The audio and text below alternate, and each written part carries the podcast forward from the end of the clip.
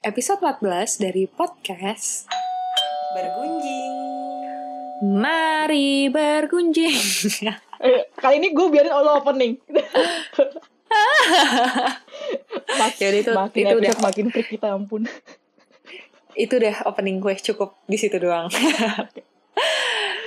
Karena gue hari ini lagi mengurangi minuman gue. Jadinya gue berasa kayak agak cranky gitu. Gue lagi berusaha ngurangin apa ya minuman yang setiap hari gue minum lo udah gak sih kayak lo tuh setiap Itu cranky, gak, gak sugar rush loh. iya jadi itu eh, Kayak bersemangat banget. Nggak itu ini sebenarnya lagi meredam kekrengkian gue nih dari pagi nih gue belum minum minuman favorit gue. Kalau lo ada nggak sih minuman yang setiap hari gitu harus lo minum dan kalau lo nggak minum itu tuh rasanya kayak ah gue pengen banget. Tapi udah kebanyakan. Lo tahu nih udah udah, udah sebenarnya nggak baik juga kalau banyak banyak lo ada nggak yang kayak gitu? Ada, ada. Dan itu selalu diprotes sama teman-teman gue. apa tuh? Kopi. Hah, emang ya. Bener-bener anak kekinian banget ya. Anak senja masa kini. Kopi. Itu tuh menunjang kerja gue. Kalau enggak gue kayak, wah udah kayak zombie deh. Iya bener kan. Jadi kayak gimana ya? Lo tuh kayak udah candu kopi gitu Kayak ketergantungan Ah, ah, gak sih? sebenarnya Betul, ya Betul, betul, betul. gue gue ngalamin sih kalau misalnya waktu gue masih kerja sama lo ya dulu pagi-pagi nih Iya. gue yang nawarin kan jadinya udah ngopi mau ngopi aja nggak karena kelihatan banget kalau lo belum ngopi tuh kayak iya tes gitu jadi kayak tes kayak ngopi deh nih lo kayak harus ngopi deh kelihatan banget bedanya lo udah ngopi sama belum gitu Betul banget. Jadi tuh kayak tiap hari tuh gak bisa tuh kalau gue nge-skip kopi. tapi lo pernah gak sih berusaha berusaha ngurangin gitu Berusaha sih, ya ada usahanya. Cuman begitu, pasti ngefek. Dan temen-temen gue pasti nggak. Kalau gue tuh kurang kopi, pasti belum ngopi nih, pasti gitu. jadi ujung-ujungnya ngopi lagi ya Betul. gue gue juga gue juga ini sih eh, apa namanya makanya nih gue kalau hari ini lagi mengurangi lagi nggak mengkonsumsi boba dulu untuk hari ini dulu nih kita lihat ya ketahanan gue sampai esok harinya Oke, kita challenge diri masing-masing ya. betul betul Gue Dari- untuk tidak kopi dan lo tidak boba. ya ini udah udah malam nih lumayan Tapi tapi gue gue sering baca-baca juga kan, karena gue suka kopi. Jadi gue baca-baca Mm-mm. juga tentang emang kenapa banget sih kopi nggak boleh? Ya di baik di balik efek-efek negatifnya, tapi ada efek positifnya di sini. Katanya sih baik buat kesehatan jantung. Itu bener atau enggak sih sebenarnya? Oh, gue gue malah kalau misalnya kopi eh ini apa baru dengerin dari lo nih karena kalau misalnya gue dengernya ini wine. Oh, Wine itu bagus juga buat ke anak pagi sama anak malam beda ya? kopi white, kopi baru pagi hari, kalau wine baru buat malam kan? Hmm, itu kan artikel ya. Eh, jadi bukan berarti gue yang mengalami gitu.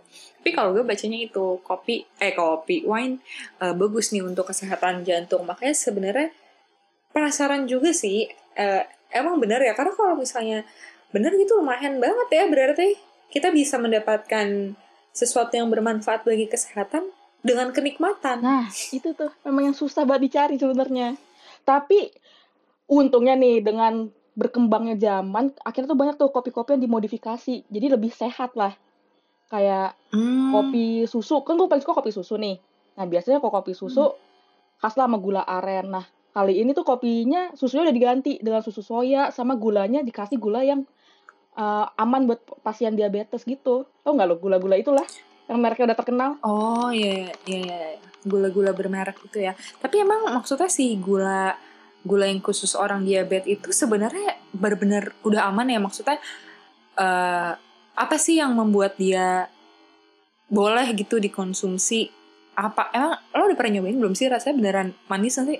Kalau manis sih gue beneran belum pernah. manis. Cuman masalah Oh iya.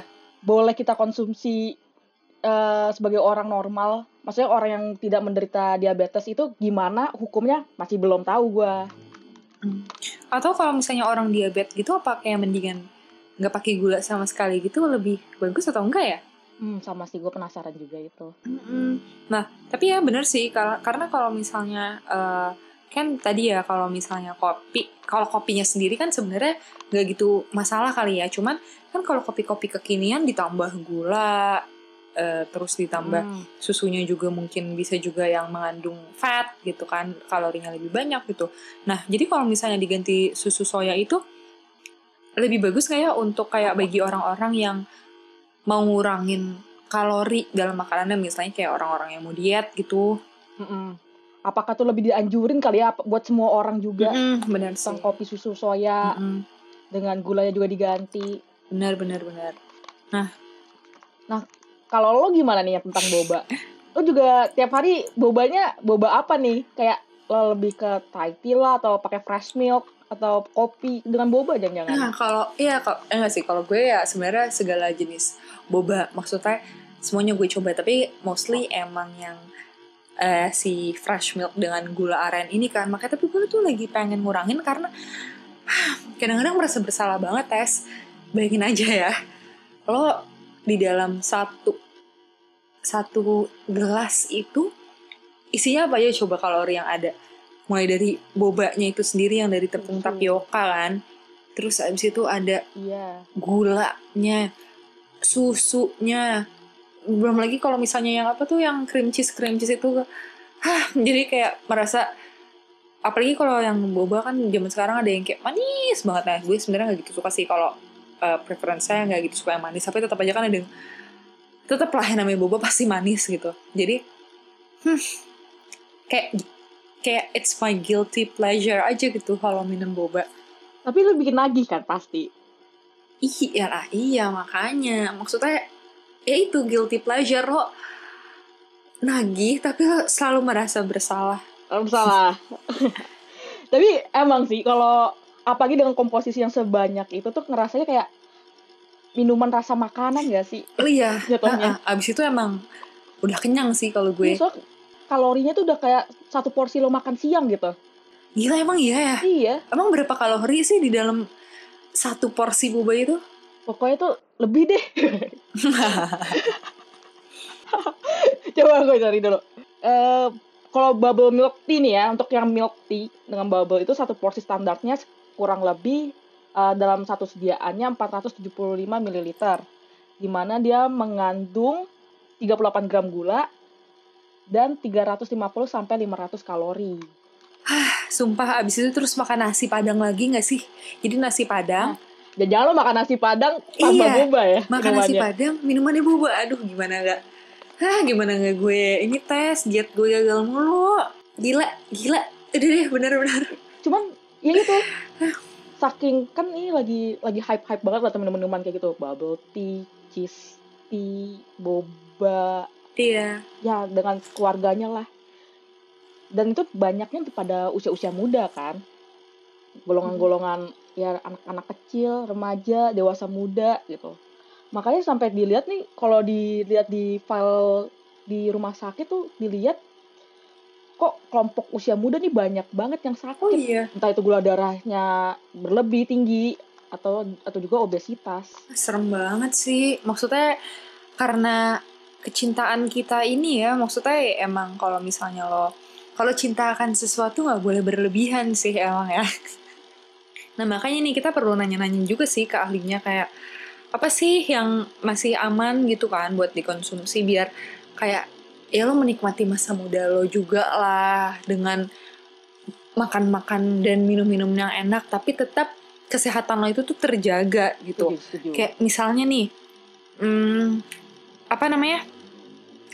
Ca salah satu caranya juga bener nggak ya kalau misalnya soda-soda yang klaimnya adalah zero gula gitu, Oh iya, itu beneran jadi lebih bagus nggak ya? Heeh. aman ya. Maksudnya jadi lebih bagus buat ya orang-orang yang yang biar glu- apa kadar glukosanya nggak tinggi gitu di dalam darah dan lebih bisa ngejaga kesehatan. Tuh. Ya sama kayak gue pernah denger juga gunjingan, emang tuh ada hubungannya nggak sih dengan peningkatan resiko jadi kanker? Hmm, apa tuh si setuju. soda-soda itu? Iya, minuman-minuman bersoda itu. Karena banyak banget nih sedang hype-hype-nya penjualan itu, jadi timbul deh nih masalah baru di kesehatan. Pas dilihat nih foldernya ternyata banyak banget yang menyerang kelompok usia muda. Nah, karena banyak banget tentang hype-hype tentang boba-bobaan itu nih pas. Jadi banyak juga nih ya berita-berita hoax yang viral tentang si boba ini. Pasti kayak lu pernah denger deh tentang boba bisa bikin batu. Iya sumpah, gue ngeliat uh, dari foto ronsen ya dan foto hasil operasinya itu loh kayak batu berbentuk bulat-bulat-bulat ya. Tapi itu sebenarnya diklarifikasikan bahwa itu bukan boba, itu bukan dari boba, mm -mm. ya kan? Tapi emang itu penyakit apa batu, batu di kantung empedu yang bentuknya emang mirip boba bulat-bulat mengendap gitu ya uh -uh. itu Duh, gitu. ya sih emang kita perlu banget nih untuk mengupas tuntas bersama ahli gizi nih biar kita makin pinter dan makin bisa memilih-milih lah mana yang bagus buat kita. Jangan sampai uh, kita lifestyle tetap di kayak gini gitu kan. Nah tuanya nggak tahu mendingan dijaga dari sekarang kan Selamat siang, kembali lagi di segmen 2 dari podcast Bergunjing bersama dengan Dokter Dian.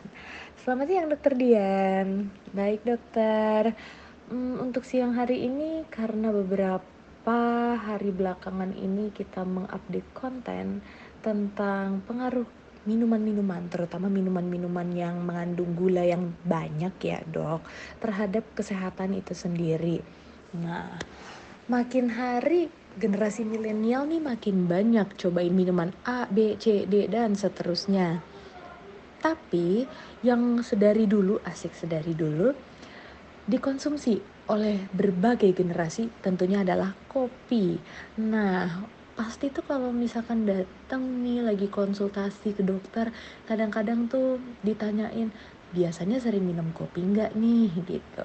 Sebenarnya kopi sendiri bagus nggak sih dok untuk kesehatan kita sendiri atau spesifiknya mungkin untuk kesehatan jantung ya. Lalu selain kopi, kalau misalkan anggur sendiri wine, apakah bagus juga untuk kesehatan jantung? Kalau iya, kira-kira baiknya yang dikonsumsi takarannya tuh berapa banyak sehari dok?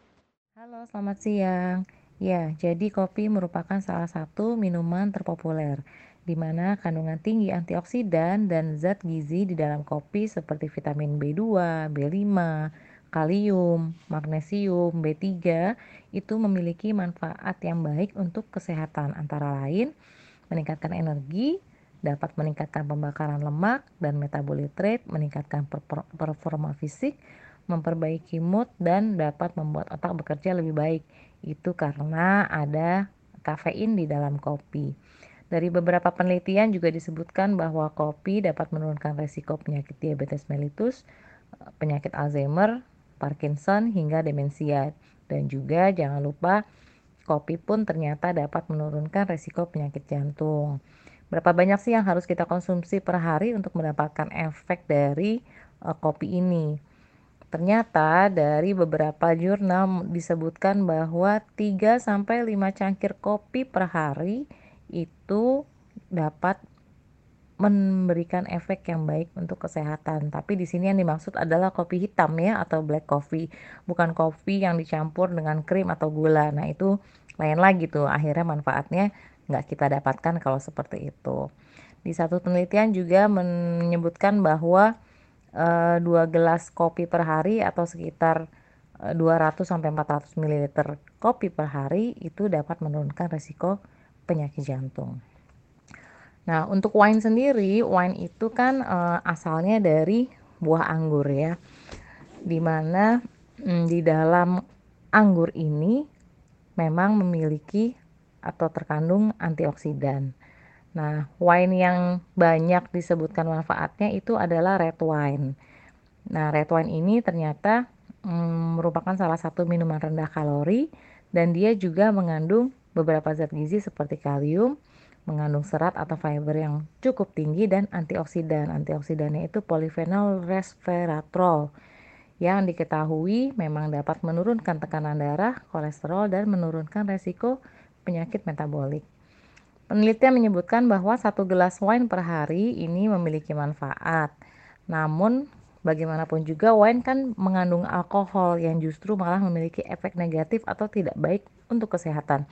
Sehingga wine sendiri untuk kesehatan jantung ini masih pro kontra. Jadi sebaiknya bila ingin mengonsumsi wine, uh, ini ada baiknya dikonsultasikan dulu ke dokter. Kemudian dok mau nanya juga jadinya mengenai minuman yang manis-manis salah satunya kan ada diet coke atau soda yang kandungan gulanya itu rendah.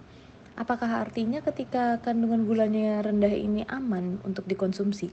Hmm, aman di sini maksudnya adalah misalkan ibu saya nih dia menderita diabetes mellitus atau kencing manis ya penyakitnya Nah, kalau misalkan mengkonsumsi diet coke, apakah ya udah berarti kayak minum air aja, nggak apa-apa tuh takarannya uh, satu kaleng itu dihabiskan, kayaknya pengaruh glukosanya nggak gitu tinggi gitu dibandingkan yang lain. Kemudian ada hubungannya nggak sih dok dengan peningkatan resiko kanker? Pada diet coke atau minuman berkarbonasi itu secara umum mengandung pemanis, pewarna, dan perasa. Memang pada diet coke dengan low sugar itu tidak ada kalori atau kalorinya sangat sedikit sekali.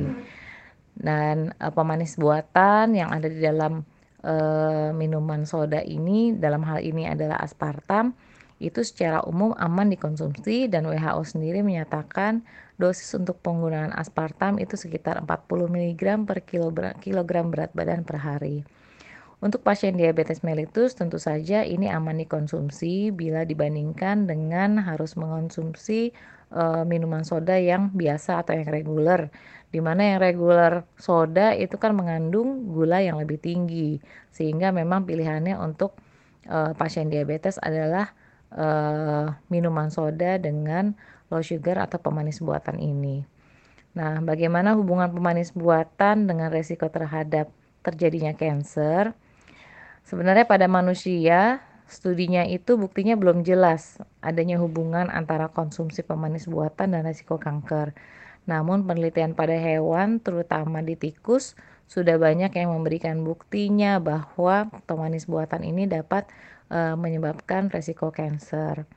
Tapi kalau pada manusia karena belum jelas, jadi ya belum bisa kita e, tegas gitu ya kalau e, pemanis buatan ini memiliki resiko terhadap terjadinya kanker.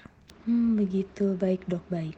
Mau tanya juga nih, Dok, untuk pertanyaan selanjutnya yang paling sering ditanyakan oleh terutama penderita diabetes mellitus atau kencing manis ya. Apa yang membuat gula khusus diabetes? Ya, kita tahulah brand-brand yang menjualnya.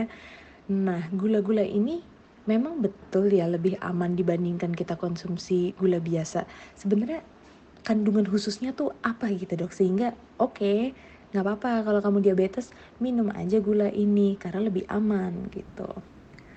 Seperti yang telah disebutkan sebelumnya bahwa pada pasien diabetes ini akan lebih aman jika mengonsumsi e, pemanis buatan atau gula pengganti dibandingkan dengan gula-gula tambahan atau gula meja atau table sugar.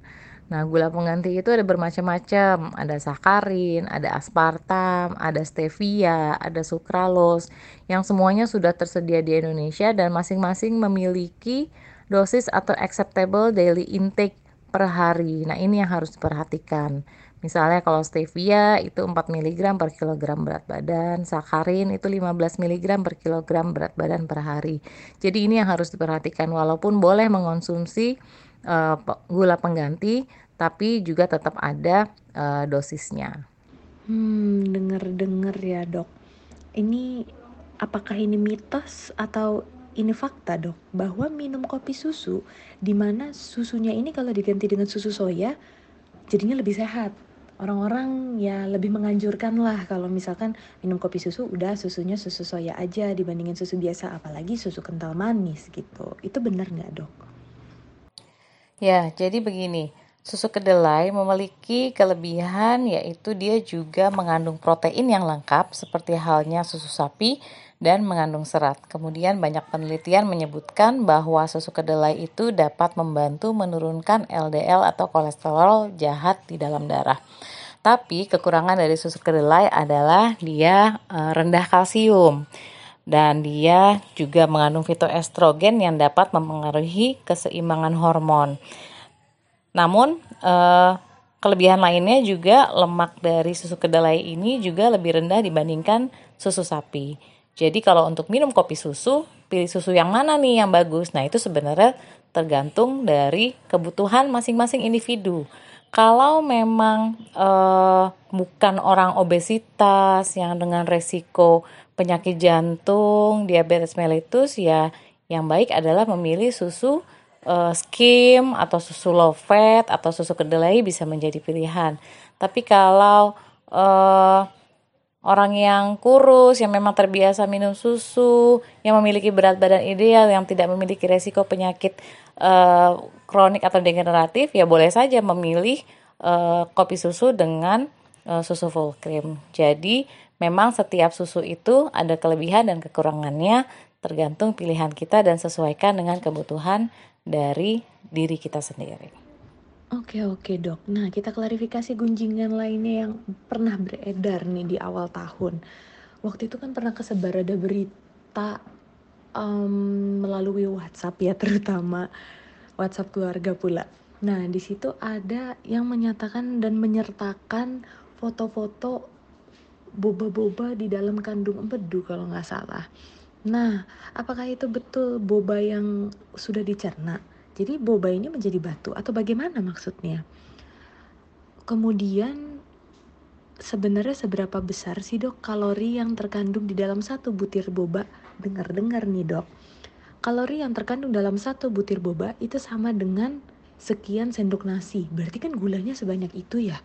Kalau ibaratnya aku makan siang biasanya nasi dengan lauk pauk, sayur mayur begitu-begitu. Apakah kalorinya sama dengan konsumsi segelas minuman berboba sebanyak itukah sampai bisa menjadi penggantinya gitu. Ya, minuman boba ini memang lagi sangat hits ya tapi kita harus tahu sebenarnya isi kandungan nutrisi dari boba itu apa sih. Jadi boba itu terbuatnya dari tepung tapioka. Ya namanya tepung berarti dia hanya mengandung karbohidrat saja. Untuk kandungan gizi yang lain, vitamin mineral aja nggak ada, begitu juga dengan serat pun tidak ada. Jadi untuk minuman boba ini ternyata hanya untuk mencari sensasi dari merasa manis, bukan dari kandungan nutrisinya. Kalorinya uh, ternyata boba itu sangat besar. Untuk minuman boba dengan boba 60 gram, itu bobanya saja sudah memiliki kalori sekitar 150 sampai 200 kalori. Belum ditambah dengan uh, minuman teh dan susunya.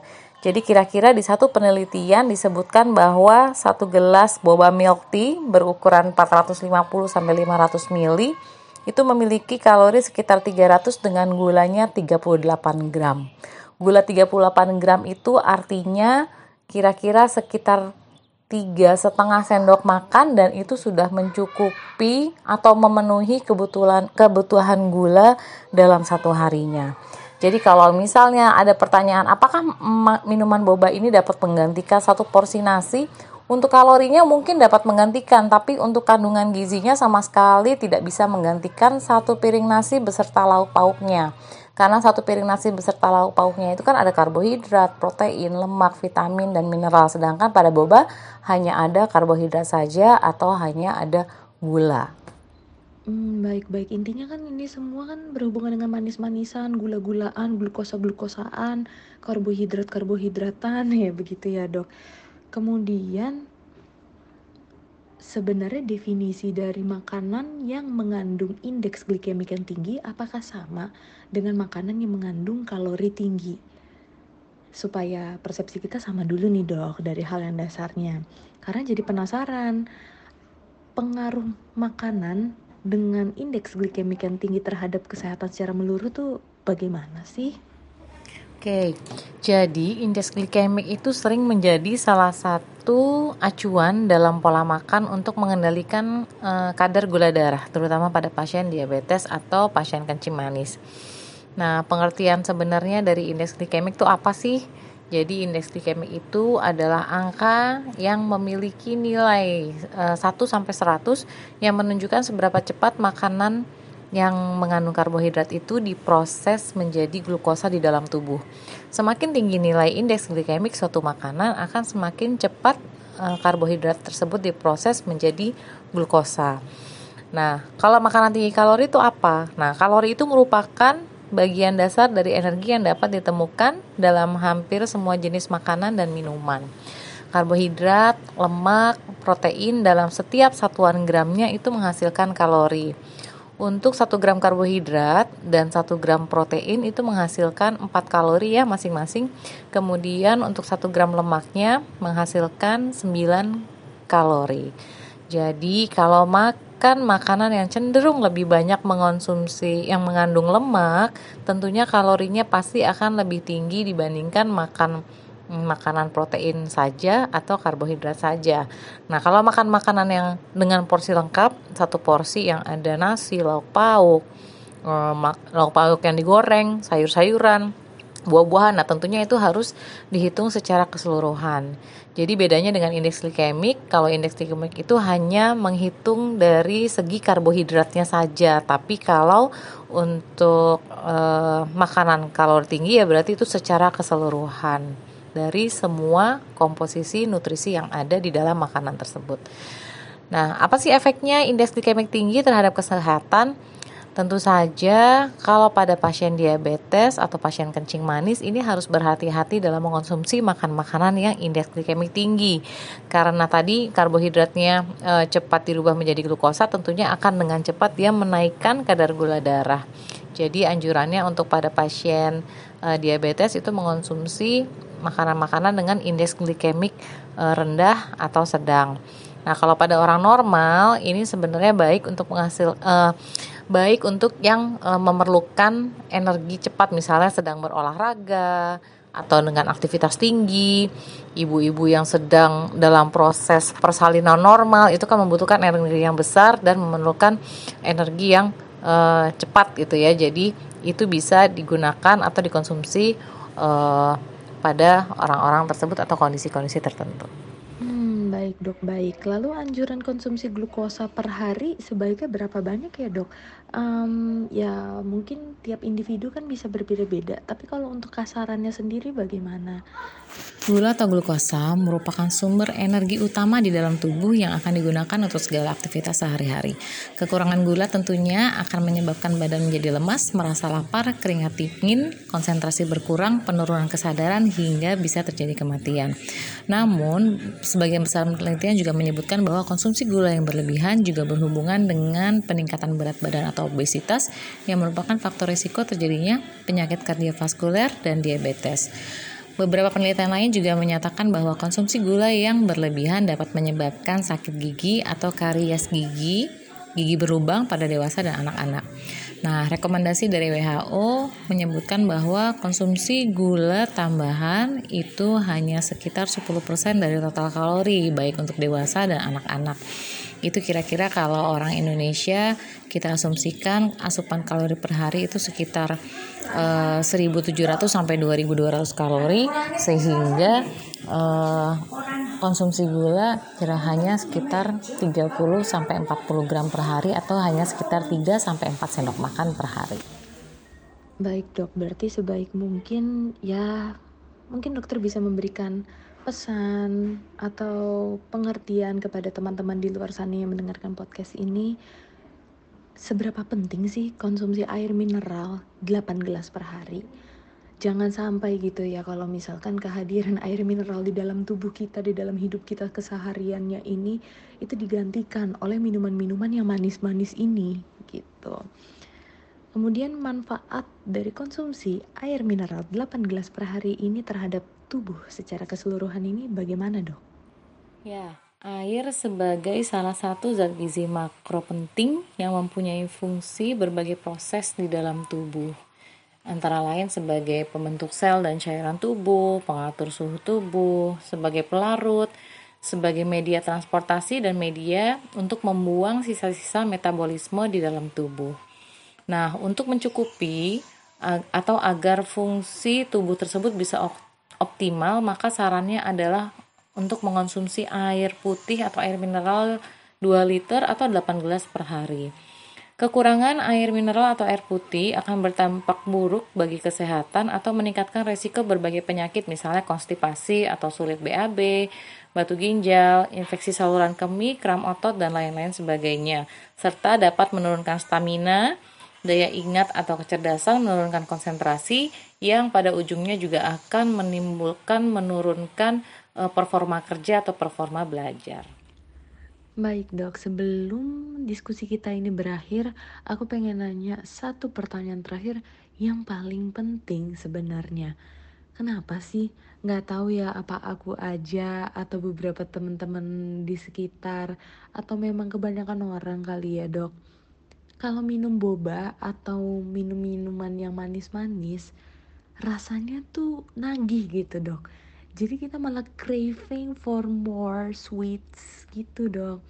Nah itu kira-kira secara fisiologinya jadi secara alamiahnya apakah memang ada pengaruhnya dok?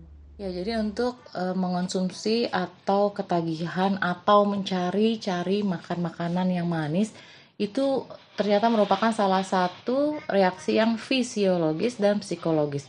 Fisiologis itu misalnya kalau orang dengan uh, kelaparan, orang dengan lemes, orang yang cenderung tidur terus itu ngantuk karena kurang gula ya kita akan uh, pasti responnya langsung mencari makan makanan manis yang untuk uh, meningkatkan energi supaya energinya dapat dibentuk lebih cepat. Nah itu kan asalnya dari gula.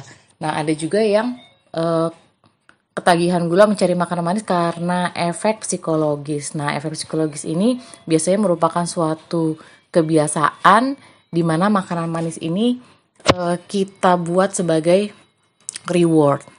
Nah, kenapa? Karena ketagihan gula atau mencari makanan manis ini merupakan suatu bentuk pola kebiasaan makanan manis yang di mana makanan manis tersebut itu memicu pelepasan dopamin yang menimbulkan rasa enak Selain itu, uh, adanya faktor stres, kurang tidur itu juga uh, ternyata memberikan uh, memberikan apa ya peran dalam mencari-cari kita untuk uh, mengonsumsi suatu makanan yang manis.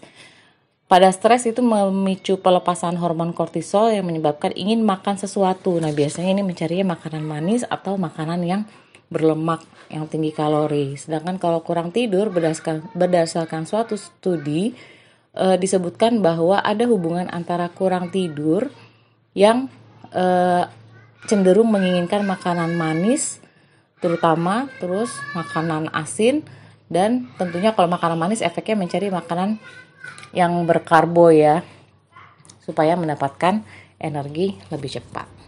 Baik, Dokter Dian, terima kasih sekali sudah menyediakan waktunya seharian ini untuk kita membahas, mengklarifikasi gunjingan-gunjingan yang beredar di masyarakat sekitar.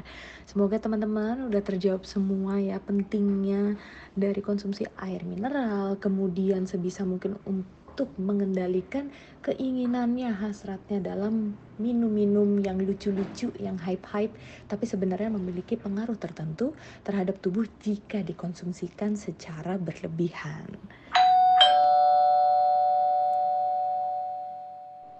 Kalau gunjingin tentang makanan dan minuman, kayaknya kalau bicarain topik ini tuh nggak bakal ada habisnya. Ya, karena makin ke sini pasti aja ada yang baru banyak banget inovasi-inovasi yang unik yang bikin penasaran pengen kita coba. Jadi tipsnya, minumnya hanya seminggu sekali aja. Terus pilih yang less sugar. Lalu jika ingin memakai topping seperti bubble, boba, atau puding lainnya, pilih minuman yang buah-buahan saja. Tapi kalau memang yang kepingin susu, maka jangan pakai topping, polos saja. Dan um, jangan lupa juga wajib banget nih buat kita untuk minum air putih dengan 8 gelas seharinya. Karena sebenarnya 2 per 3 komposisi tubuh kita adalah air. Tapi apakah kita udah cukup minum airnya?